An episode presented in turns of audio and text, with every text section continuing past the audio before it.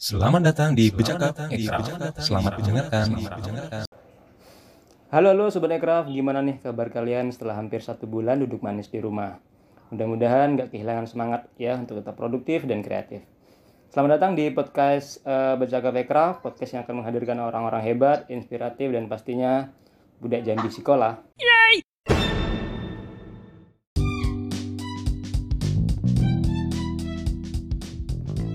Biasanya podcast dipandu oleh Duit Berdua, kali ini saya sendirian karena Mbak Brenda katanya lagi repot nyiapin kue lebaran. no no no no. Uh, Mbak Brenda katanya lagi nyiapin masker untuk kegiatan sosialnya dan mudah-mudahan uh, bila bisa balik lagi menemani kita minggu depan. So siapa sih tamu uh, Beca Cafe Craft kali ini? Langsung aja kita perkenalkan. Yang pertama ada Datuk Jainal Bahri, owner dari Bahri Batik dan juga pengelola Rumah Tenun Jambi. Selamat datang Atu, apa kabar? Kabar baik. Assalamualaikum warahmatullahi wabarakatuh. Waalaikumsalam semuanya. Terima kasih Datuk sudah bersedia hadir ya Tuh ya. Iya, Oke, alhamdulillah. oke. Nanti kita ngobrol lagi tuh ya. Oke, Oke. next yang kedua ada Mas Riko Mapedeceng, owner dari Tempoyak, dosen dan juga modal juga Mas ya. Bisa jadi, Mas. Bukan, bukan. Pokoknya dosen gaul yang juga juga seorang pebisnis. Pokoknya eh, populer banget. Selamat datang Mas Riko. Apa kabar? Masih ganteng Mas? Alhamdulillah, makin putih rambutnya, Mas. Oke, terima kasih Mas Riko udah nyediain waktunya untuk ngobrol dengan kita ya. Iya, siap, Oke, Mas. eh, saya ke Datuk dulu nih biar nggak kualat. Katanya kan yang tua duluan. So, ada tuh eh, kita mulai ngobrolnya tuh ya. Yang oke, yang pertama Atu oke, oke. di Aircraft sebagai apa sih, Tru? Saya alhamdulillah terima kasih ditunjuk oleh teman-teman sebagai di dalam uh, Jambi itu sebagai ketua subkria. Oke. Kebetulan juga di dalam subkarya itu saya diperbantukan oleh sekretaris saya yang cantik itu yaitu Mbak Brenda. Mbak Brenda. iya. Iya, Kemudian anggota-anggota saya juga orang-orang yang ya cukup cukup menghuni istilahnya eh, punya skill yang lebih ini sudah ada Ibu Naning, Mm-mm. Rahman, ada eh, Datuk Raden Ahyar, ada Kitia. Iya, iya, iya, iya, iya. Pokoknya udah orang udah yang orang tepat lah Pak gitu ya. Iya, alhamdulillah. Eh, kalau gitu di di Aircraft sendiri Datuk tugasnya apa ya kira-kira di di di organisasi tersebut? Wah, tugas kita kalau sebagai ketua yaitu monitorkan seluruh para nih perajin juga dibantu oleh sekretaris kita. Kemudian Hmm. sekarang kami sudah mulai mendata semua UKM-UKM yang ada di Provinsi Jambi maupun di kota maupun di kabupaten. Tujuannya Hmm. supaya kita eh, mempersatukan semua ekrab ada eh, yang di bidang kriya itu kita bisa data Oke. biarpun di kota, di kabupaten, nanti biar enak kita uh, berkomunikasi, kemudian kita nanti ada sesuatu yang bisa kita berikan uh, sebagai kita uh, sebagai himpunan kerap di provinsi Jambi ini. Mm, mm, mm. Oh, artinya data itu nanti jadi penting karena memang kalau kita nggak dapet data kita jadi nggak tahu siapa yang akan kita eh, sasar tuh ya. Betul, betul, betul, betul. Karena kan di kabupaten juga banyak ya uh, UKM-UKM yang di bidang kriya seperti ada anyaman, batik, kemudian Oke. dari uh, kerajinan-kerajinan kayu yang perlu kita ini kita bina dan perlu kita himpun mereka gitu. Mm, mm, mm. Apakah pendataan itu akan jadi program unggulan atau atau ada program lain itu yang bakal dijalankan di tahun atau di nanti deh ketika ini kan masih corona tuh ya masih suasana masih agak sulit Iya, bergerak. iya. eh, Apakah iya. nanti ada program Insya lain? Allah ya. Iya, insya Allah. Karena sudah kita data, tidak dapat data-datanya, kemudian nanti kita akan membuat ini dalam perjalanan program yang sudah kita apa ya buat, Mhm. itu nanti mungkin ada pelatihan pewarnaan alam untuk membatik, kemudian Oke. membatik belajar membatik tulis, kemudian juga nanti kita mohon juga dari pihak punja ataupun uh, seperti pertanian, perkebunan dan kehutanan untuk Mhm. meng- me- apa, menanam kembali membudidayakan warna-warna alam yang ada di Jambi. Betul. Jadi Kemudian juga lebih oh ya. Terus tuh? Ya, Kem- kemudian juga kita kan akan menseleksi semua para UKM yang di bidang kria itu nanti produk-produknya yang mana yang kita akan bawa ke tingkat nasional. Tentu yang kita bawa ke tingkat nasional kan yang bisa benar-benar kualitasnya yang bagus dan merupakan hasil hasil kerajinan provinsi Jambi yang punya mutu dan eh, apa eh, terindah apa istilahnya tersendiri lah Mm-mm. keunikan tersendiri yang Iya, perlu iya. kita jual untuk tingkat nasional maupun internasional itu. Iya iya. Jadi iya. semua UKM nanti kalaupun kita akan seleksi semua produk-produk mereka Nah, nanti kita seleksi lagi terus terus men- men- mengerucut nanti yang mana betul-betul yang akan kita tampilkan ke tingkat nasional. Wah wah wah wah. wah. Ini Gitu. akan jadi sebuah misi yang eh, sangat besar tuh ya. Iya, kemudian pun yang tidak terseleksi nanti kita bina lagi. Supaya lebih Kita bina lagi. supaya lebih berkembang tuh ya. Iya. Hmm, iya. Iya, nanti kita bina. Nanti mungkin eh, hasilnya lebih bagus, nanti bisa lagi kita eh, ajukan ke untuk tingkat nasional lagi Hmm, gitu. siap, Jadi siap. bergulir bergulir, eh, tapi kita akan eh, apa? Memantau, Hmm. memantau hasil UKM UKM yang ada di provinsi Jambi. Hmm, hmm, hmm, hmm. Oke oke. Artinya semua UKM akan dapat dapat giliran untuk berkembang lah tuh ya. Iya, iya, iya. Oke, ka- kalau gitu saya balik ke Mas Riko nih. Mas Riko di Ekraf, Mas Riko sebagai apa sih? Mungkin boleh dijelaskan? Oh ya, eh, saya alhamdulillah juga eh, di Ekraf dipercaya sebagai wakil ketua dua, Mas Bambang. Oke. hmm, hmm. Eh, tugasnya apa tuh kira-kira? Nah, kalau eh, untuk tugas wakil ketua dua ini ada beberapa hal yang jadi tugas saya ke depannya itu kayak pemasaran dan promosi. Hmm, hmm. Ya, jadi membawahi permasalahan atau kegiatan yang berhubungan dengan pemasaran serta promosi teman-teman Ekraf. Ya, nggak hanya sektor kria tapi 16 sektor itu. Hmm, Kemudian juga saya membantu untuk eh, pengembangan dan peningkatan mutu produk baik itu barang maupun jasa. hmm, hmm, hmm, hmm. Nah, yang sekarang ini kan orang berpikiran aircraft eh, pasti berpikirnya kria, kemudian fashion atau mungkin juga kuliner. Kuliner ya. Hmm. Tetapi ternyata banyak teman-teman kita di sektor jasa itu bisa ikut eh, meningkatkan eh, aircraft daerahnya. Iya betul. Nah itu perlu kita tingkatkan lagi, kita kembangkan. Selain itu juga ada nih eh, tugas saya juga bagaimana pengelolaan event. Oke. Ya mungkin ke depannya bakalan ada event bersama ataupun mungkin event per sektor. Hmm, hmm, hmm. Harapannya juga eh, bisa saling berhubungan lah semua sektor nggak hanya satu sektor gitu loh mas. Oke oke. Eh, kalau gitu sejauh ini sampai hari ini nih Ekraf sudah sampai mana mas kira-kira? Kalau yang sudah kita lakukan sampai hari ini, eh, yang pertama itu kita sudah ada buka jalan lah ya mas ya buka Hmm, jalan iya. dengan pihak dinas malah yang proaktif dari dinasnya Oh gitu. Eh, Disperindak ya. Disperindak provinsi sudah menghubungi kita kita dipanggil terus kita juga bertukar pikiran sehingga terbesit untuk mem- membuat pelatihan pelatihan mas Hmm, hmm, hmm. membuat workshop lah gitu workshop dan mudah-mudahan kita lagi nunggu kondisi normal lagi nih mas. Karena iya, namanya iya. workshop paling tidak harus ketemu muka karena ada pelatihan langsung. Nggak cuman kayak seminar-seminar. Kalau seminar kan mungkin bisa online ya. Iya betul. kalau ini kan langsung ada prakteknya. Nah gitu. Harapannya juga uh, workshop-workshop ini uh, bisa kita segera uh, wujudkan lah mas. Mudah-mudahan kondisinya kembali normal lah gitu. Berarti Selain eh, itu se- iya oke. Monggo silahkan lanjutkan. Nah, selain itu juga ada kegiatan sektor-sektor lain itu sudah dilakukan. Misalnya kemarin di sektor fotografi itu di awal kita sudah buka kegiatan eh, memotret produk gratis untuk UMKM, Mas. I see.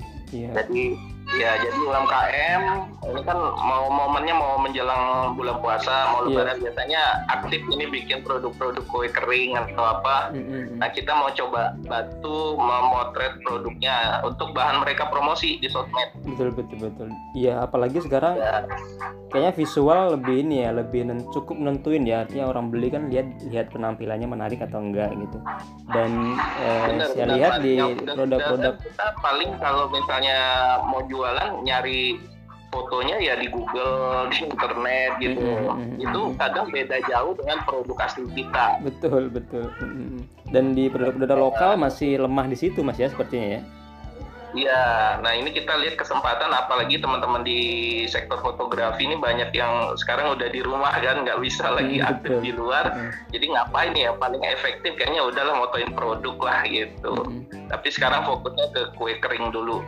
Terus juga nanti yang produk yang sudah kami potret kami minta dihalalkan maksudnya produknya kita nggak balikan lagi ke pemilik tapi Oh, kita iya, sumbangkan ke kaum duafa. Mm, wah jadi double ini ya double apa ya double pahala ya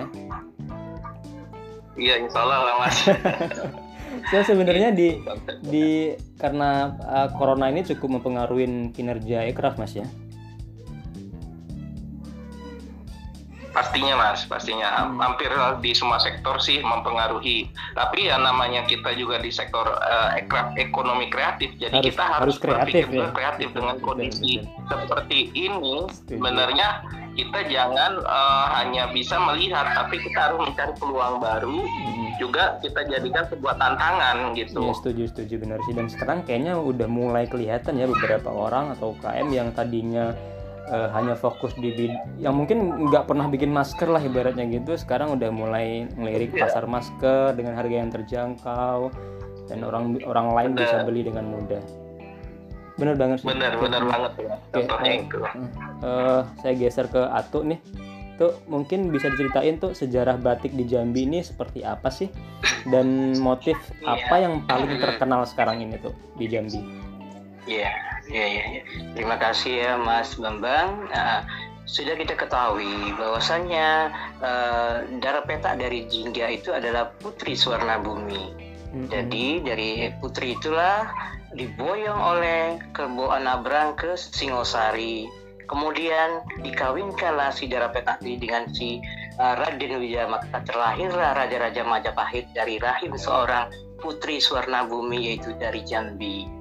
Dari dari situlah mulai asalnya mengapa Jambi itu ada batik.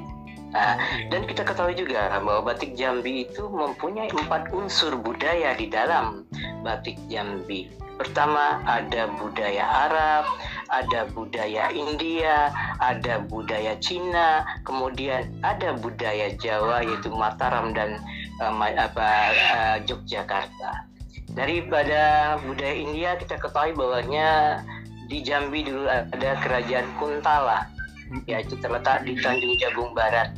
Maka di situlah ada unsur budaya India kepada batik kita, yaitu kita, terkenal dengan motif patolanya. Kemudian nanti ada lagi pengaruh dari Arab. Mengapa kita ketahui juga bahwasanya rangka hitam bapaknya itu adalah Da- Datu Paduka Berhalo dari Turki dan ibunya adalah eh, eh, apa Putri Selaras Minamasa kemudian menikah melahirkanlah eh, raja-raja Jambi yang ke Putih Rangka Hitam, Rolling Kepingai semuanya. Eh, dari itulah makanya ada unsur budaya Arab. Kemudian kita ketahui juga itu adanya perkawinan Wirokusumo dengan anak Raja Jambi. Kemudian terlahirlah di situ motif kal- kaligrafi dan kampung. Itu kampung Arab Melayu yang ada di seberang kota Jambi. Kemudian nanti ada pengaruh budaya Cina. Budaya Cina kita ketahui juga itu dari perkawinan Datu Sintai. Sintai adalah uh, keturunan dari Cina, dari Tiongkok, kawin dengan put- putri Raja Jambi. Maka terlahirlah kampung Pacinan yaitu di Kampung Tengah. Maka terlahirlah motif-motifnya yaitu motif burung hong kemudian warna merah Jambi. Kemudian juga nanti adanya itu pengaruh dari Mataram dan Jogja tadi yaitu perkawinan dari Rangka Hitam dengan Ratu Mas Pemalang dari Singosari. Maka terlahirlah motif Jambi dipengaruhi oleh uh, Mataram dan Jogja itu yaitu motif lar-laran, kemudian ada motif sidang di dalam batik Jambi. Maka di situlah Jambi mempunyai empat unsur budaya yang ada di motif batik Jambi. Kemudian juga kita terkenal dengan uh, istilahnya ada motif kapal sangga, duren pecah dan sebagainya. Kami juga sekarang udah mulai mem, mem, apa, membuat satu batik yaitu kebetulan Datu tinggal di Danau Sipin yaitu yeah. dengan batik uh, Sipin Jajaran. Di situ juga ada tuangkan motifnya itu dari destinasi destinasi sejarah budaya yang ada di uh, kota Jambi dan ada di Danau Sipin. Karena kita ketahui juga Danau Sipin merupakan cikal bakalnya dari kerajaan Tanah Pilih Pusako Betua. Di situ di Danau Sipin itu adanya Candi Solo Sipin, makamnya raja-raja. Kemudian ada juga kelenteng tertua dari uh, dari yang Hoktek yang di Sungai Maram itu ya. adalah kelenteng Hualengkeng. Kemudian juga ada situs-situs sejarah yang ada di dalam itulah yang kami angkat kami buat ke dalam sulai batik. Nah sekarang namanya terkenal batik sipin jajaran mungkin ke depan juga kami akan membuat itu songket sipin jajaran kebetulan kami di kota uh, Jambi ini uh, rumah tenunnya berdiri di Kelurahan Lego Kecamatan Danau Sipin ya, tempat ya. Datuk berada. Iya iya It, waduh ternyata sejarahnya ini ya uh, lumayan banyak uh, motifnya banyak dan ada banyak percampuran budaya juga.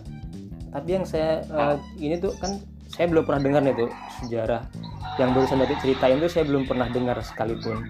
Jadi yang saya pertanyakan di Jambi ada tidak situ maksudnya orang atau museum yang mencatat sejarah itu semua tuh tidak ada tidak ada sebenarnya wow. itulah tadi wow, wow. Uh, kenapa karena apa? Kekurangan kita para-para ini untuk dihimpun. Terlebih lagi Jambi ya, otomatis untuk peneliti di sejarah itu banyak yang tidak dihargai. Bukan yang tidak dihargai mana ya, harusnya dihimpun oleh pemerintah. Betul betul. Ada nah, ya di, contohnya di, dikumpulkan lah tuh ya, nah, ya gitu ya. Ya, contohnya Datu dari 8, uh, 84 sudah mem, uh, meneliti batik Jambi ini, kemudian mengumpulkan semua motif-motif kuno yang ada di uh, kota Madia Jambi. Karena kita ketahui batik ini berasal dari pusaka Tanah Pilih Besut Betua itu di kota Jambi. Yeah, yeah. Jadi kalau motif klasiknya itu ada 185 itu ada di Datu. Wow. Itu Datu cari dari kain-kain kuno Nah, dari kain-kain kuno yang kita replika kembali, kemudian Datu buat lagi desainnya, Datu kumpulkan, selamanya ada di Datu. Kemudian dari perkembangan 185 desain klasik yang ada di Jambi, termas uh, termasuk kapal sanggar, duren pecah dan lain-lainnya, yeah, yeah. itu ada motif kembangan yang saya buat, Datu buat, saya ceritakan, itu ada 600 uh, eh, motif yang ada di Jambi, yang ada di Datu, yang karya Datu itu itu pun uh, kayak mana ya. Cuman baru empat dari 600 musik uh, yang karya datu yang dihakikan gitu. Dan, dan semua orang dan kalau kalau kondisinya gini terus satu uh, batik bisa bisa hilang ya, dari dari Jambi bisa hilang. Dua orang bisa iya. mengakuin dengan mudah bisa mencuri dengan mudah. Tiga ya anak muda nggak akan pakai batik lagi lama-lama tuh Nah, jadi kemarin waktu tahun 2019 Datu kan kecolongan desain yang Datu buat tahu-tahu diperjualbelikan di wow. Pekalongan. Waduh. Nah, karena itu kami para pencipta, para pembuat uh, seni ini seperti motif batik ini tidak ada yang bisa gimana ya mau sendiri menghakikan uangnya nggak ada. Iya, iya, iya, iya. Kemarin juga pernah ya istilahnya dulu ada istilahnya backup ya. Dulu. Ya, oh ya backup nah, itu betul. Bantu. Bantu itu aja empat itu pun dengan nama uh, eh, KTP-nya masing-masing bukan nama datuk pribadi gitu. Iya iya iya. Eh, mudah-mudahan dengan dengan adanya ekraf ini tuh ya, mudah-mudahan dengan adanya ekraf. Nah, makanya uh, jadi nafas baru, energi baru tuh ya. Iya. Iya, Iya, jadi bisa kita yang pembuat seni ini bisa dihargai, kemudian karya-karya kami yang kami buat itu bisa dihakikan Betul. atau iya, iya. sebagai istilahnya untuk karena cucu kita jadi bertahu bahwasanya Jambi adalah batik Jambi adalah batik tertua di Sumatera. Wow ya kaya dan sangat kaya tuh ya. Iya, jadi otomatis saya udah menanyakan bahwasanya batik Jambi adalah batik tertua di Sumatera. Yes, yes. Eh, mas Riko mungkin ada komentar nggak mas soal ini mas? Soal eh, apa haki untuk para pengrajin batik dan mungkin di Ekraf ada nggak sih eh, yang mengurus ini mas? Yang mengurusi haki ya Mas Iya ya. betul. eh. Eh, kalau yang khusus haki sih saya kurang kayaknya belum ada Mas, tapi Iya. itu menjadi salah satu PR kita ke depan. Mm-mm. Mungkin kita bisa eh, buat semacam seminar atau apa. Kalau bisa juga kita gandeng dinas pemerintah gitu, Iya. agar lang- eh, langsung ada actionnya Mas. Maksudnya misalnya kita adakan seminar dan mungkin langsung bisa didaftarkan di situ gitu. Mm, mm, mm, mm, mm. Jadi lebih cepat, lebih Ah, mungkin lebih lebih murah juga ya harusnya ya karena kan pasti eh, dana atau biaya jadi kendala juga bagi mereka-mereka yang terjun di apa kria. Iya betul. Mm, Ingat saya memang dulu ada mas eh, program-program dari pemerintah seperti itu, Iya. cuma informasinya tidak luas gitu. Jadi banyak yang nggak tahu sayang Iya, gitu iya, loh. Akhirnya yang itu Padahal juga waktu itu terbatas ya. program-programnya gratis ya. Waktu itu gratis ngurusnya. Iya, iya, iya, Gitu. iya. Akhirnya hanya segelintir orang yang tahu dan tidak merata mas ya. Bener. Mm, mm. Oke. Kemudian eh, eh, dengan ekraf melalui ekraf nanti kita bisa lebih luas lagi ke semua sektor karena juga mungkin kayak Datuk permasalahannya hakinya untuk produk dia batik gitu ya. betul. Nah, tapi mungkin eh, di teman-teman yang lain kayak perfil- perfilman, musik dan sebagainya Iya, iya, itu iya, juga iya. karya. Betul, Dan betul. Karya itu harus dilindungi. Mereka juga butuh perlindungan Gitu. ya untuk melindungi karya-karya mereka. Apalagi sekarang di dunia digital kayaknya udah sulit tuh bedain mana yang beli, mana yang gratis. Semua orang udah bisa download secara bebas dan mengkhawatirkan. Yang kalau yang menarik begini mas, kita bukan hanya juga memberikan edukasi kepada pemilik karya, tetapi penggunanya. Hmm, iya. pengguna di sini ya misalnya kalau misalnya kayak foto ya yang foto nih sering kali yang ngambil nih misalnya mau bikin eh, baliho atau apa itu siapa kira-kira mungkin perusahaan-perusahaan kita undang perwakilan mereka Iya, dari iya, dinas-dinas kita undang juga dari eh, yang punya usaha printing printing-printing gitu kita undang juga kan karena biasanya mereka yang banyak menggunakan produk-produk digital kayak foto dan sebagainya Mm, mm, mm, mm. Nah ngomongin foto nih mas, kan Mas Riko juga hobi di situ kan, maksudnya bahkan mungkin udah mungkin separuh karir mas ya di situ ya. Kalau ya masih hobi lah Mas. Hobi ya Mas Yobi. Eh, kalau menurut Mas Riko nih dari kacamata Mas Riko, industri fotografi di Jambi ini seperti apa sih sekarang kondisinya? Eh, kalau sebelum wabah COVID ya Mas ya, Iya, kita sebelum. melihatnya itu sangat-sangat berkembang dan sudah mulai diperhitungkan di tingkat nasional Mas. Karya-karya teman-teman ya, karya teman-teman di eh, Jambi gitu. Mm, mm, mm, mm. Dan saya lihat juga untuk pelaku usaha fotografi di Jambi juga eh, bagusnya mereka solid Mas. Walaupun sama-sama cari makan di sektor itu gitu ya. Mm, mm, kemudian juga banyak yang punya usaha yang sama, tapi mereka masih tetap berhubungan, saling sering ngumpul, sharing dan sebagainya. Iya iya iya. iya. Nah ini kan eh, hal-hal positif ini juga yang dilihat ol- oleh eh, pihak-pihak sponsor di luar gitu. Mm, mm, mm. Untuk bikin event di sini, bikin workshop dan sebagainya nih. Karena kompetisi juga penting kan bagi mereka. Gitu. Bener banget. Nah kalau dari se- dari segi bisnisnya mas gimana? Eh, fotografi ini masih punya peluang nggak?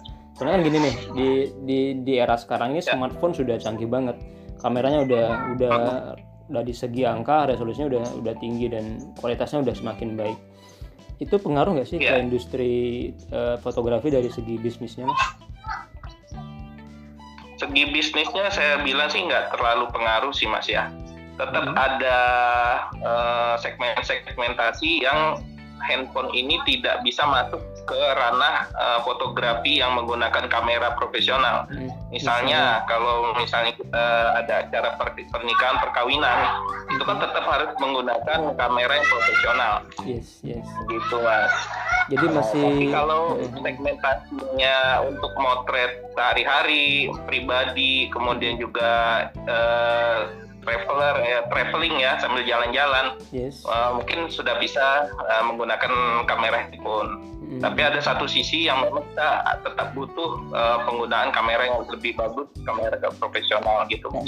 Kalau dari saya penasaran nih mas. Uh, kan sekarang kalau di di online tuh banyak sekali situs-situs yang dia menjual foto dari fotografer lepas kan. Kalau di Jambi itu belum populer ya atau gimana ya? Uh, secara luas memang belum mas, tapi pemain-pemainnya sudah ada. Sudah uh, ada. Kendalanya dan apa ya? Itu dan sekarang ini kondisi kondisi di mana teman-teman fotografer yang banyak di rumah mm-hmm. uh, makin gencar sekarang menggunakan uh, bisnisnya beralih ke situ mas, jadi menjual foto secara online. Mm-hmm karena emang nggak ada wedding kan ya nggak bakal ada wedding gitu di di masa-masa sekarang ya ini. ada tapi ya terbatas mas terbatas hmm. banget banyak yang di cancel gedung juga kan nggak nggak mau lagi iya, gitu iya. kan. uh, apa ya kendalanya? Kenapa uh, belum belum marak uh, sejak dulu dulu ya untuk foto stok online ini mas ya? Kendalanya apa ya? Uh, karena kurang edukasi aja sih mas. Mereka belum belum paham hmm. belum paham juga uh, belum merasakan manfaatnya gitu sih mas. Sehingga juga ya uh, nggak tahu jadinya nggak ini kalau ya. sekarang mungkin kalau kondisi sekarang di rumah mungkin baru baru ngerasa oh baru ya, kenapa nggak dari dulu kayak gitu? Ya, kalau dulu kan terlena dengan kondisi normal di mana kerjaan ya misalnya minggu ini ngejob minggu depan cair duit udah, udah gitu kan. iya. gede lagi kan? Gitu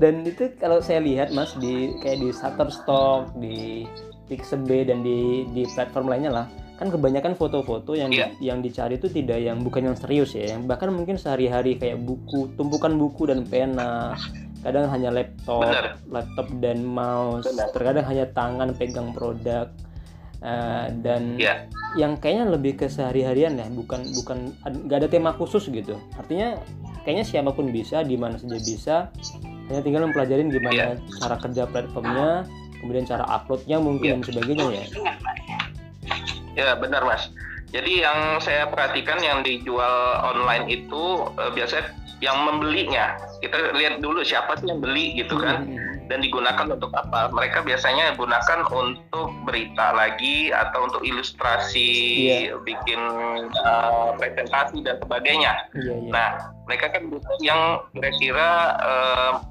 apa ya yang gampang fotonya tuh uh, gampang dan simple gitu loh mas. Nah yang sudah sudah kenapa kok yang dipilih kadang cuma potongan tangan, benda mati dan sebagainya. Yeah. Karena yang repot juga misalnya kita menjual foto kelihatan wajah mas. Kelihatan yeah. wajah orang itu biasa mau butuh izin istilah kalau di fotografi itu model rilis. Nah, model itu menjadi kesulitan yang pemilik fotonya nanti. Mungkin uh, dia motonya entah kapan dan di mana gitu. Dia masukkan Shutterstock dan itu harus ada izin modelnya. Oh gitu ya. Itu halo? Iya iya iya. Oke oke oke. Oke uh, saya geser ke Atu tuh ya. uh, okay.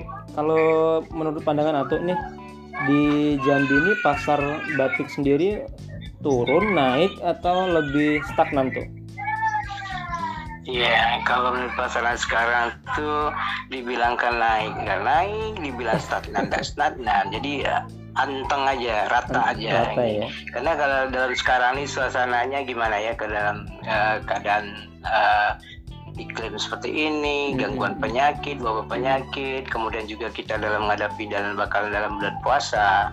Jadi mereka otomatis semua para konsumen kan tidak uh, berpikiran untuk ini, tetapi untuk gimana nih besok ini kita bisa, bisa gimana nih untuk makannya, gitu. Iya, iya, Kalau iya. ibaratnya itu kan sandang itu kan. Iya.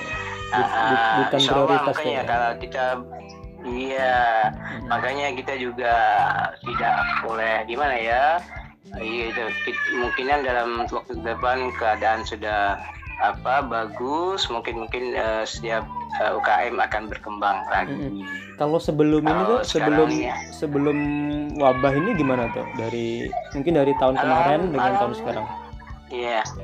Alhamdulillah banyak sekali ya cum- eh, untuk pasaran ini apalagi kan kita udah mulai juga dari kain-kain batik mungkin kita buat percahan atau gimana mensiasatin kemudian juga buat-buat kriya-kriya yang baru dengan menggunakan batik mungkin gimana kan Alhamdulillah banyak yang istilahnya yang membeli begitu. Iya. Ada Tapi peningkatan tuh, ada pening- peningkatan kah dari misalnya dari Alhamdulillah ada ada Ada ya? ada juga peningkatan ada ada. Nah, Eh, tapi gini tuh, cuma tidak eh, ini Mhm. saya lihat di di toko di online shop dan di marketplace Ah, itu ada mhm. ada banyak eh, produk-produk batik yang impor dari Cina tuh. Iya, Nah, itulah menurut- yang kita menurut aku gimana ya? permasalahkan. Ya. Nah, itulah yang kita permasalahkan. Kita sudah dikatakan bahwasanya Jambi eh, batik itu adalah merupakan budaya Indonesia, budaya Adiluhung. Mengapa kita mendapatkan predikat batik itu di UNESCO? Karena itu tadi awalnya kita punya produk tradisional, memang betul-betul batik Iya. istilahnya. ya. Tapi kalau ada pasaran batik secara apa istilah global yang tadi itu yang namanya mematikan kita. Pertama yaitu tadi produk kita kita harus ada hakinya dari segi desainnya. Ya. Nah, jadi kan mereka tidak semena dari luar untuk mencaplok desain kita. Mm-mm. Kemudian juga pemerintah juga harus ada eh, istilahnya protek. Kalau seandainya kita di ini apa eh, tra- yang tradisional itu tidak akan timbul, otomatis kalau memakai gaya print kan kita ketahui printing dan eh, batik printing dan batik. Jadi kalau printing itu adalah yang kalau seandainya bermotifkan batik adalah tekstil yang bermotifkan batik Yes. yaitu di print. Tetapi kalau kita bercerita masalah batik, batik adalah dibuat dengan malam dengan dua teknik yaitu dengan tulis dan dengan cap, Mm-mm. tanting cap. Itu yang dinamakan batik.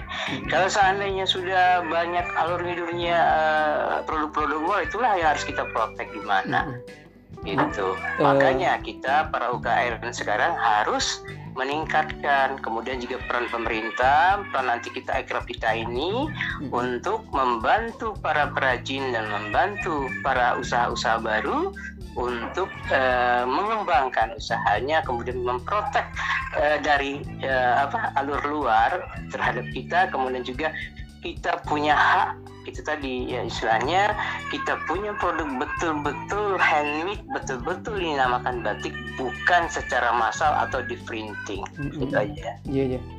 Kalau dengan dengan kondisinya kan sep- seperti sekarang banyak banget tuh ya bahkan jauh lebih murah dari harga batik di dalam negeri.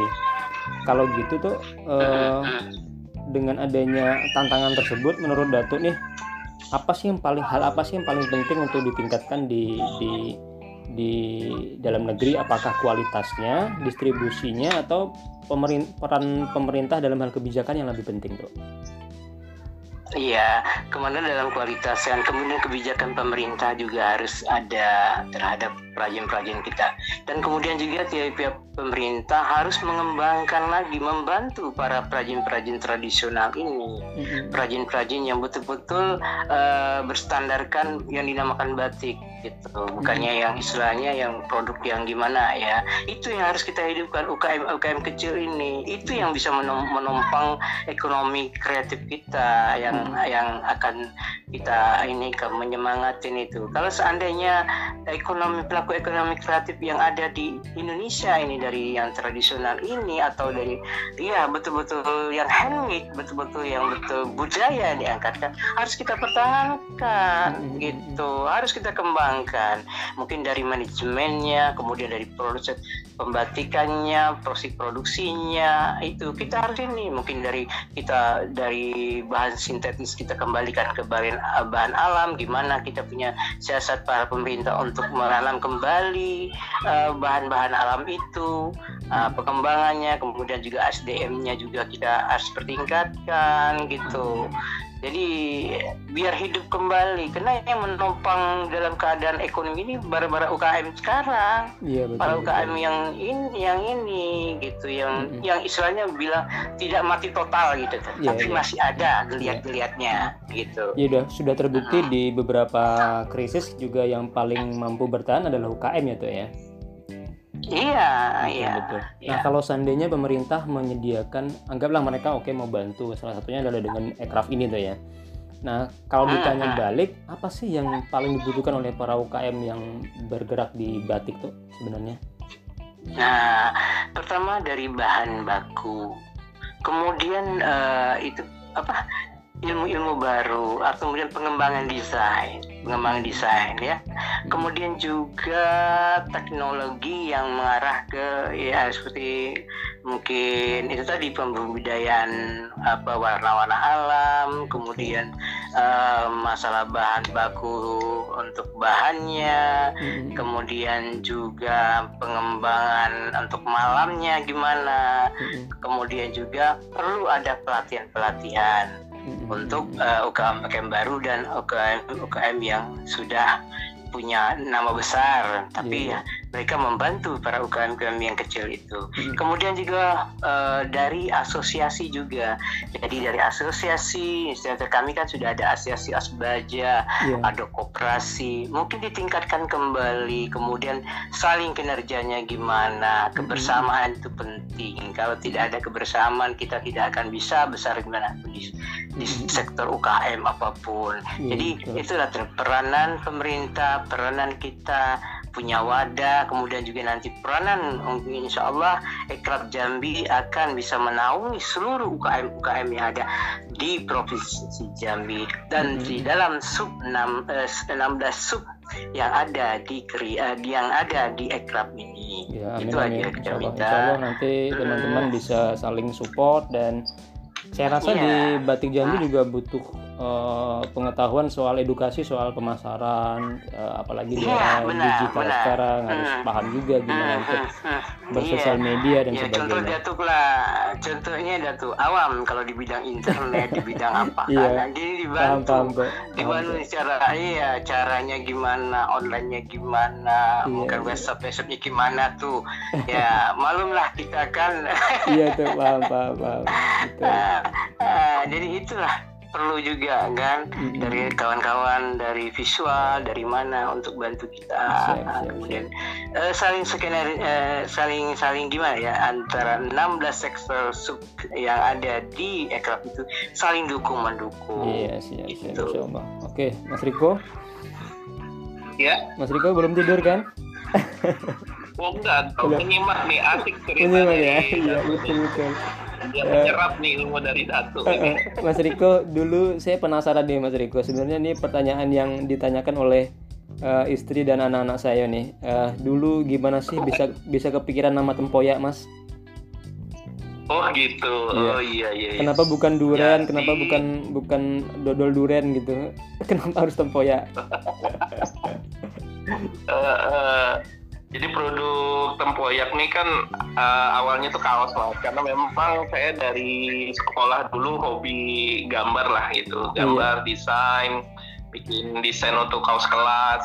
Terus eh, punya sempat punya eh, impian lah wah pengen deh pengen punya usaha kaos kalau dulu kan gitu Da- ya Dagadu ya? justru gitu Tapi terus kepikiran iya terus kepikiran kenapa eh, nggak mengangkat tema budaya Jambi aja gitu karena Mm-mm. waktu itu eh, saya mulai itu 2007 mas sih. 2007 tuh sama sekali belum ada produk kaos yang memang mengangkat khusus eh, budaya sejarah atau segala hal tentang Jambi gitu Oke. Eh, jadi sebuah tantangan juga makanya tapi kan kita butuh brand butuh Yes. nama Yes. Nah, kira-kira apa brand yang eh, kalau kita sebut orang langsung inget, oh ini Jambi nih, gitu. Iya. Makanya udah kepikiran, kenapa nggak tempoyak aja? Udah deh, saya kasih nama tempoyak, gitu. Oke. Ada filosofinya sebenarnya, Mas. Apa tuh? Apa tuh? Nah, kalau tempoyak ini kan, eh, misalnya nih, mama kita masak atau tetangga pun keciuman gitu kan harum-harumnya Iya. ke mana-mana nah Betul, jadi betul. juga saya ngambil filosofinya saya pengen produk saya ini juga bisa mengharumkan nama Jambi ini sampai ke mana-mana gitu Hmm. bahkan bisa tingkat nasional tingkat internasional itu Hmm. impian saya dulu gitu Mm-mm. Se- eh, terus untuk bikin brand bikin brand menemukan brand menemukan merek itu kan kayaknya butuh wangsit ya butuh kayaknya butuh inspirasi maaf butuh putus-putus Oke, eh, saya ulangi mas ya. Untuk nemuin brand, dapetin nama yang tepat dan gokil seperti tempoyak ini kan butuh apa ya? Butuh pengalaman, butuh inspirasi juga. Ada nggak sih tips mungkin mas untuk Iya. eh, UKM UKM yang baru lahir? Eh, gimana sih cara untuk menemukan brand yang pas dan juga bisa gampang diingat oleh orang lain? Oke, nah jadi tips-tips juga untuk membuat eh, brand merek untuk produk kita entah itu eh, jasa ataupun barang atau produk ya Mas ya. Mm-mm, ya. Yang pertama sebenarnya kita memberikan nama sama juga memberikan nama pada anak kita atau eh, pada manusia. Jadi eh, nama itu adalah doa, gitu kan? Nama itu doa. Yang pertama itu karena ada kasusnya dulu saya sering perhatikan ada yang orang sa- apa salah kasih nama lah gitu untuk Mm-mm. usahanya. Mm-mm. Nah, ini contohnya, misalnya saya pernah lihat itu adalah eh, tulus, keren ya kalau bahasa Indonesianya ya, Yes. tulus, Yes. asik gitu, nah, maknanya dalam gitu. Mm-mm. Tapi mungkin pengen gaya-gayaan gitu, gaya-gaya dibikin dalam bahasa Inggris gitu, diplesetin. Jadi tuh eh, tulus, TO, jadi eh, kan iya iya iya, ini ini ini. tulus. Jadi lah pengen eh, menghilang atau apa ya kehilangan gitu. Jadi Iya iya iya. wah ini nggak bener ini gitu loh Hmm. keren-kerenan tapi maknanya kok jadi hilang Betul, gitu. betul. itu satu contohnya terus yang kedua kita juga milih nama yang memang mewakili produk kita gitu loh mas mewakili produk kita kalau misalnya produk kita makanan ya sekira, sekiranya bikin kasih nama yang sesuai eh, mencirikan produk kita entah itu eh, kenikmatannya rasanya enak dan sebagainya lah seperti Mm-mm. itu Iya iya. Buat- kita bikin sesuatu yang unik jangan sampai ini eh, nama ini sudah ada yang pakai. Iya iya. karena nanti kita kan berpikir usaha kita ini akan berkembang dan eh, kita pengen brand kita juga ini eh, bisa diregister maksudnya didaftarkan Mm-mm. ada hak patennya Yes. nah sehingga kita harus eh, cari kata yang unik nama yang unik dan belum ada yang pakai itu sih mas Oke. Jadi, uh, ambil kesimpulan tiga tadi ya mencirikan produk kita yang kedua juga uh, nama itu doa yang Mm-mm. yang ketiga adalah harus yang unik Mm-mm, Oke oke oke. Ternyata cukup ini ya. Artinya challenging ya untuk bikin sebuah merek mas ya. iya Nah, mas selain selain merek kan eh, sebuah bisnis butuh apa ya butuh se- traksi lah untuk bisa bertahan. Dengan pengalaman sekian dari tahun berapa mas? 20 2007 ya tempoyak mas? 2007 2007 udah sekitar eh, berapa tahun? 13 tahun? Ah. 13 13 tahun ya? Udah 13 tahun Januari kemarin. Dengan pengalaman s- 13 tahun eh, apa nih tips Mas Riko untuk UKM agar bisa bertahan selama itu Oh ya supaya teman-teman UMKM bisa lebih bertahan sama berkembang ya mas ya yes betul Yang pertama itu eh, sebenarnya harus sadar teknologi lah. Yang sekarang ini saya lihat masih mayoritas teman-teman UMKM masih beranggapan eh, takut untuk eh, memulai menggunakan teknologi. Mm, mm, mm, mm. Kayak itu melek-melek terhadap teknologi lah gitu. Padahal dengan adanya teknologi ini sangat-sangat memudahkan kita untuk memperkenalkan atau menjual uh, produk. Yes. Gitu mas. Mm, mm, mm. itu salah satu kuncinya. Yang kedua perbanyak uh, jaringan atau link. Mm, mm, mm, mm. jadi kita uh, selama ini saya perhatikan misalnya produknya uh, kuliner. Nanti ngumpulnya dengan teman-teman produk kuliner gitu loh mas. Bikin grup WA juga ya dia dia aja yang anehnya misalnya si A bikin produk makanan apa dijualnya di grup orang-orang yang memang membuat produk yang sama, Sama. terus ngapain gitu siapa yang beli ya harusnya akhirnya kan bisa iya sekarang bisa lebih luas nggak apa-apa sih boleh bikin grup Iya, seperti iya, itu iya. mungkin lebih ke arah bertukar informasi bertukar resep lah misalnya kalau masakan ya Betul, tapi betul. kalau untuk jualan kayaknya eh, kurang tepat efektif ya. ya, Betul betul. Iya Yang yang ada malah akhirnya tukeran makanan mas ya. tukar makanan mungkin boleh lebih ke aksi sosial ya kalau sekarang kan banyak tuh ya bikin-bikin aksi sosial mungkin bagus lah gitu betul betul. Jadi sekarang temponya sudah go digital mas ya. Eh, saya masih bermain di sosmed mas, Eh. Instagram sama Facebook gitu. Mm, Selain dari promosi konvensional mas ya. Apa nih radio, televisi, koran? Iya. Eh, yang masih aktif saya di radio mas. Oh di radio di. Oh iya iya saya sering juga dengar tuh tempoyak gitu. Iya. Mm-mm. Eh tuh Udah jadi punya loka. tuh Datu Saya Oke, tuh Iya. eh, di bat bat apa Bahari Batik ini kira-kira udah sampai sekarang udah berapa puluh tahun tuh ya ber ber eh, berjalan tuh? Dari 97. Wow, 97. Iya. Berapa tahun tuh ya? Dari 97. 23 Iya, 23 dari- tahun. Eh, Iya. Hampir lebih. leb- oh iya. Lebih ya. Wow, wow. 30 lebih ya. Rahasia rahasianya Iya. apa tuh tuh? Rahasianya apa tuh ya? Biar bisa awet. Hmm.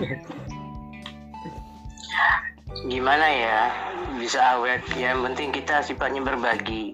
Jadi tidak makan sendiri. Apa pun ilmu sekian bagi ke masyarakat. Kemudian juga kita punya ilmu, kita kembangkan kepada generasi-generasi muda. Itu aja. Dan selagian saya kan sering banyak sekarang kan memberi aktivitas sosial kepada masyarakat Jambi yang ingin belajar membatik, ingin membuat proses batik gimana dengan budaya yang ada kita punya. Itu aja resepnya sampai sekarang gitu. Wow. Nah, kemudian tetap meng- mengembangin apa-apa, tetap eksis membuat desain. Mungkin ada temuan dari tumbuh-tumbuhan, mungkin ada temuan dari benda-benda purbakala yang kita bisa kita lihat dengan coraknya nanti kita bisa kembangkan. Ini iya, iya. kemudian kita pernah ya dengan bentuk-bentuk eh, apa bantuan teman-teman juga dari para budayawan, para seniman, ya, itu perlu juga kita ada masukan-masukan. Makanya itu saling berbagilah berbagilah kepada masyarakat, berbagilah kepada semua generasi. Karena pikiran saya begini, kita hidup dipingin untuk berbuat orang banyak, gitu. Jadi eh, istilahnya kita eh, Jambi perlu masyarakat eh, ini eh, apa eh, dengan budaya yang ada di Jambi, budaya yang perlu kita lestarikan, budaya yang perlu kita kembangkan, kemudian kita beri kepada anak-anak cucu kita Mm-mm. biar mengerti, biar tidak hilang. Nah, jadi Iya. dengan etikat itulah makanya Bahari Batik tetap eh, eksis, tetap bersemangat, tetap membuat karya, karya eh, biarpun dengan suasana gimana, tetap kita berilah, berilah sedikit yang ada kita punya atau lebih yang kita punya kepada anak-anak kita, generasi kita. Iya, Itu aja. Kalau untuk saya karena tetap bertahan. gitu. Itu berarti yang yang aku ceritakan tuh yang rumah tenun itu tuh ya, yang untuk orang-orang belajar itu tuh ya.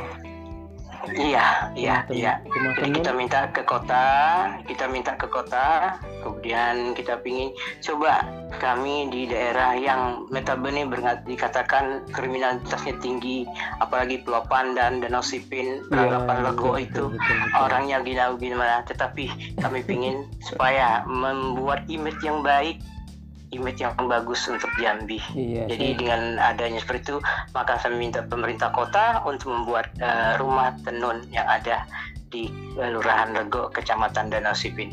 iya saya juga Jadi cukup biar kita, Hmm, cukup prihatin juga Hmm. sih tuh karena kalau kita kita nggak bisa bohong lah tuh ya kalau kita dengar Danau Sipin itu kan image-nya eh, ne- negatif lah ya mo- mohon maaf tuh ya tapi memang iya, saya iya sok betul. sok sebenarnya saya Ah. juga ketemu waktu kan di di di Ekraf ini tuh waktu saya dengar ada Iya. rumah tenun di Danau Sipin tuh saya juga cukup wah harusnya ini yang jadi ikon Danau Sipin bukan yang lain gitu jadi saya cukup Ah, cukup iya. prihatin tapi juga uh, optimis kalau uh, dengan adanya semangat atau yang membara saya juga ada rasa optimis bahwa anak-anak muda harusnya lebih paham dengan batik di Jambi tuh ya Iya.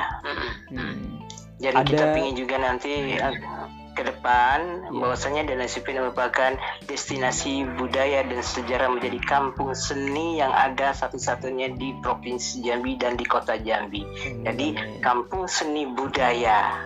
Nah, pinginnya seperti itu. Jadi eh halo? Iya tuh. Iya, jadi eh, ya, jadi mereka akan kenal oh Danau Sipin itu bukan yang notabene yang jahat-jahat, bukannya ini Iya, merupakan iya. kampung narkoba begitu, tapi di situlah tempat eh, istilahnya kampung seni dan budaya dan Hmm. merupakan di situ ada kampung tenun, kampung batiknya, Iya, gitu. Iya, iya. Kalau di di rumah tenun itu sistemnya eh, les atau gimana tuh? Bela- belajarnya ada waktu Ada, tertentu tuh ya. Kalau di rumah tenun sekarang kami sudah membuat tenunan khusus untuk Danau Sipin. Kemudian anak-anak yang di sini itu kan dibawa di Kranas eh, dibawa di Kranas Kota Jambi. Jadi eh, gedungnya gedung pemerintah, kemudian kita bina anak-anak sini menenun, kemudian membatik, menjahit. Kebetulan menjahit saya dibantu oleh Mbak Yani Oscar. Iya, Kami eh, mengajar tanpa dibayar. Jadi Mbak Yani dengan saya sudah hampir tiga tahun untuk mengelola. Sebelum itu belum ada rumah tenun loh. Kami Hmm. hanya memakai balai, balai yang ada di sini. Kami olahlah berdua. Lalu kami bilang sama Mbak Yani, Mbak Yani mau tidak membantu Dato dalam hal membagi ilmu yang ada di kita ke masyarakat Danau Sipin. mm-mm. Oke Dato, kita mencari amal jahariah. Makanya kami kumpullah ibu-ibu, kemudian juga eh, saya membeli mesin-mesin jahit eh, gitu Mm-mm. eh, dari hasil batik saya sendiri. Nah, jadi saya bersama Mbak Yani Oscar. Jadi ingin membuat sesuatu di danau ini, makanya saya bilang sama Mbak Yani, Mbak Yani mau bantu Dato dah. Kita tidak Hmm. dibayar, tapi dengan itulah kita punya amal jahariah dalam hidup kita. Iya. Makanya saya bentuklah waktu itu itu dengan adanya belajar batik gratis, kemudian menjahit gratis. Mm-mm. Dari alat-alatnya menjahit itu Dato ambil dari ini, dari apa? Eh, batik yang Dato jual itulah yang Dato belikan kepada alat-alat mesin-mesin jahit dan juga ada juga ada sebagian dari donatur juga Iya, iya, gitu. iya, iya. Dan berjalan sampai sekarang tuh ya. Iya, alhamdulillah, alhamdulillah. Makanya Hmm. sekarang kami lagi giat untuk membantu Kota Jambi yaitu membuat masker. Jadi kami membuat masker untuk nanti dibagikan secara gratis oleh Pemda Kota Jambi. Nah, itu di bawah Dekranas dan eh, Dekranas Kota Jambi dan PK Kota Jambi. Jadi kami anak-anak rumah tenun mengerjakan eh, masker itu. Oke, ya mudah-mudahan membantu ibu-ibu juga tuh ya untuk ini kan pasti Iya, kerjaan iya. sulit, ekonomi lagi ambruk. Iya, betul, Hmm. betul, betul, betul. Betul, ya. Oke, tuh kita udah sampai ke penghujung nih, Bu. Tuh eh, kira-kira tuh ada pesan nggak tuh untuk anak-anak muda yang mungkin tidak mengenal batik atau anak-anak muda yang punya ketertarik- ketertarikan dengan batik tuh? Ya, makanya saya ingin anak-anak muda, kaula muda, anak-anak zaman milenial ini cintailah semua budaya yang ada di provinsi kita. Kemudian jangan segan-segan untuk membantu para para seniman seperti kami ini dengan ilmu disiplin ilmu yang ada pada mereka. Kemudian juga untuk para mahasiswa dan para murid, silakan datang ke tempat kami di itu di Danau Sipin di Rumah Tenun untuk belajar membatik, belajar men- menenun dan se- selagi hal apa yang ada di budaya kita belajarlah untuk ke sini. Kemudian juga kalau seandainya ada disiplin ilmu yang lain, ajarkanlah pada anak-anak kami di sini. Contohnya juga mungkin ada disiplin ilmu dengan adanya sekolah tasik, tari, musik. Silakan ajar ke anak-anak kami di sini. Kemudian juga yang bisa berbahasa Inggris, ajarkan ke anak kami. Karena kita ketahui bahwasanya nanti Danau Sipin ini kan menjadi destinasi eh, wisata yang ada di Kota Jambi. Otomatis eh, kami juga anak-anak kami yang di sini perlu perlu sekali dalam bidang ilmu bahasa Inggrisnya, kemudian dalam ilmu apa pun ada itu manajemennya dalam hal apa pun untuk edukasinya silakan bantu kami yang ada di sini gitu Oke, oke. dan para teman-teman juga ekrab juga bantulah kami di sini Siap, mudah-mudahan didengarkan tuh ya. Eh, Mas Riko ada Ya. Pesan-pesan khusus Mas untuk anak-anak muda yang mungkin ingin terjun ke bisnis dan tertarik dengan fotografi? Oh ya, uh, pesan saya buat teman-teman milenial yang ingin uh, mulai usahanya di fotografi, yang pertama mungkin uh, jangan hanya berpaku pada bagaimana saya harus memiliki uh, alat atau kamera yang bagus, tapi kita perlu tekankan adalah untuk peningkatan skill dulu. Sekarang ini untuk meningkatkan skill sangat-sangat mudah. Ya, kita tinggal cari ya, misalnya mau, mau belajar motret apa atau misalnya juga bisa kita cari di YouTube banyak sekali tutorial. Ya, uh, kemudian uh, setelah itu kita harus banyak praktek gitu. Jadi kalau untuk fotografi jangan juga terpaku pada satu uh, apa ya satu bisnis saja. Misalnya orang berpikir fotografi pasti usahanya adalah bisnis wedding, uh, tapi lebih luas dari itu. Banyak sekali yang belum di uh, untuk di Jambi khususnya. Seperti bikin foto trip gitu kan, kemudian juga uh, foto produk dan sebagainya banyak sekali jadi peluang untuk buka usaha bisnis fotografi sebenarnya masih sangat luas. Uh. Tinggal bagaimana uh, kemauan dari kalian aja gitu. Oke, okay, thank you Mas Riko. Iya, sama-sama uh, Mas Bambang. Oke, okay, baik Sobat Ekraf, kita udah sampai di penghujung acara. Uh, mudah-mudahan obrolan tadi dengan Datu dan Mas Riko bermanfaat untuk kalian semua, diserap ilmunya, Uh, kalau ingin informasi terbaru soal ekonomi kreatif, jangan lupa untuk follow Instagramnya dan Facebook fanpage di Ekonomi Kreatif Jambi. Dan juga jangan lupa untuk subscribe podcastnya di Bejakap Ekraf. Kamu bisa dengarkan di anchor.com, kamu bisa dengarkan juga di Spotify, dan juga di Google Podcast. Sampai jumpa di podcast berikutnya. Bye-bye.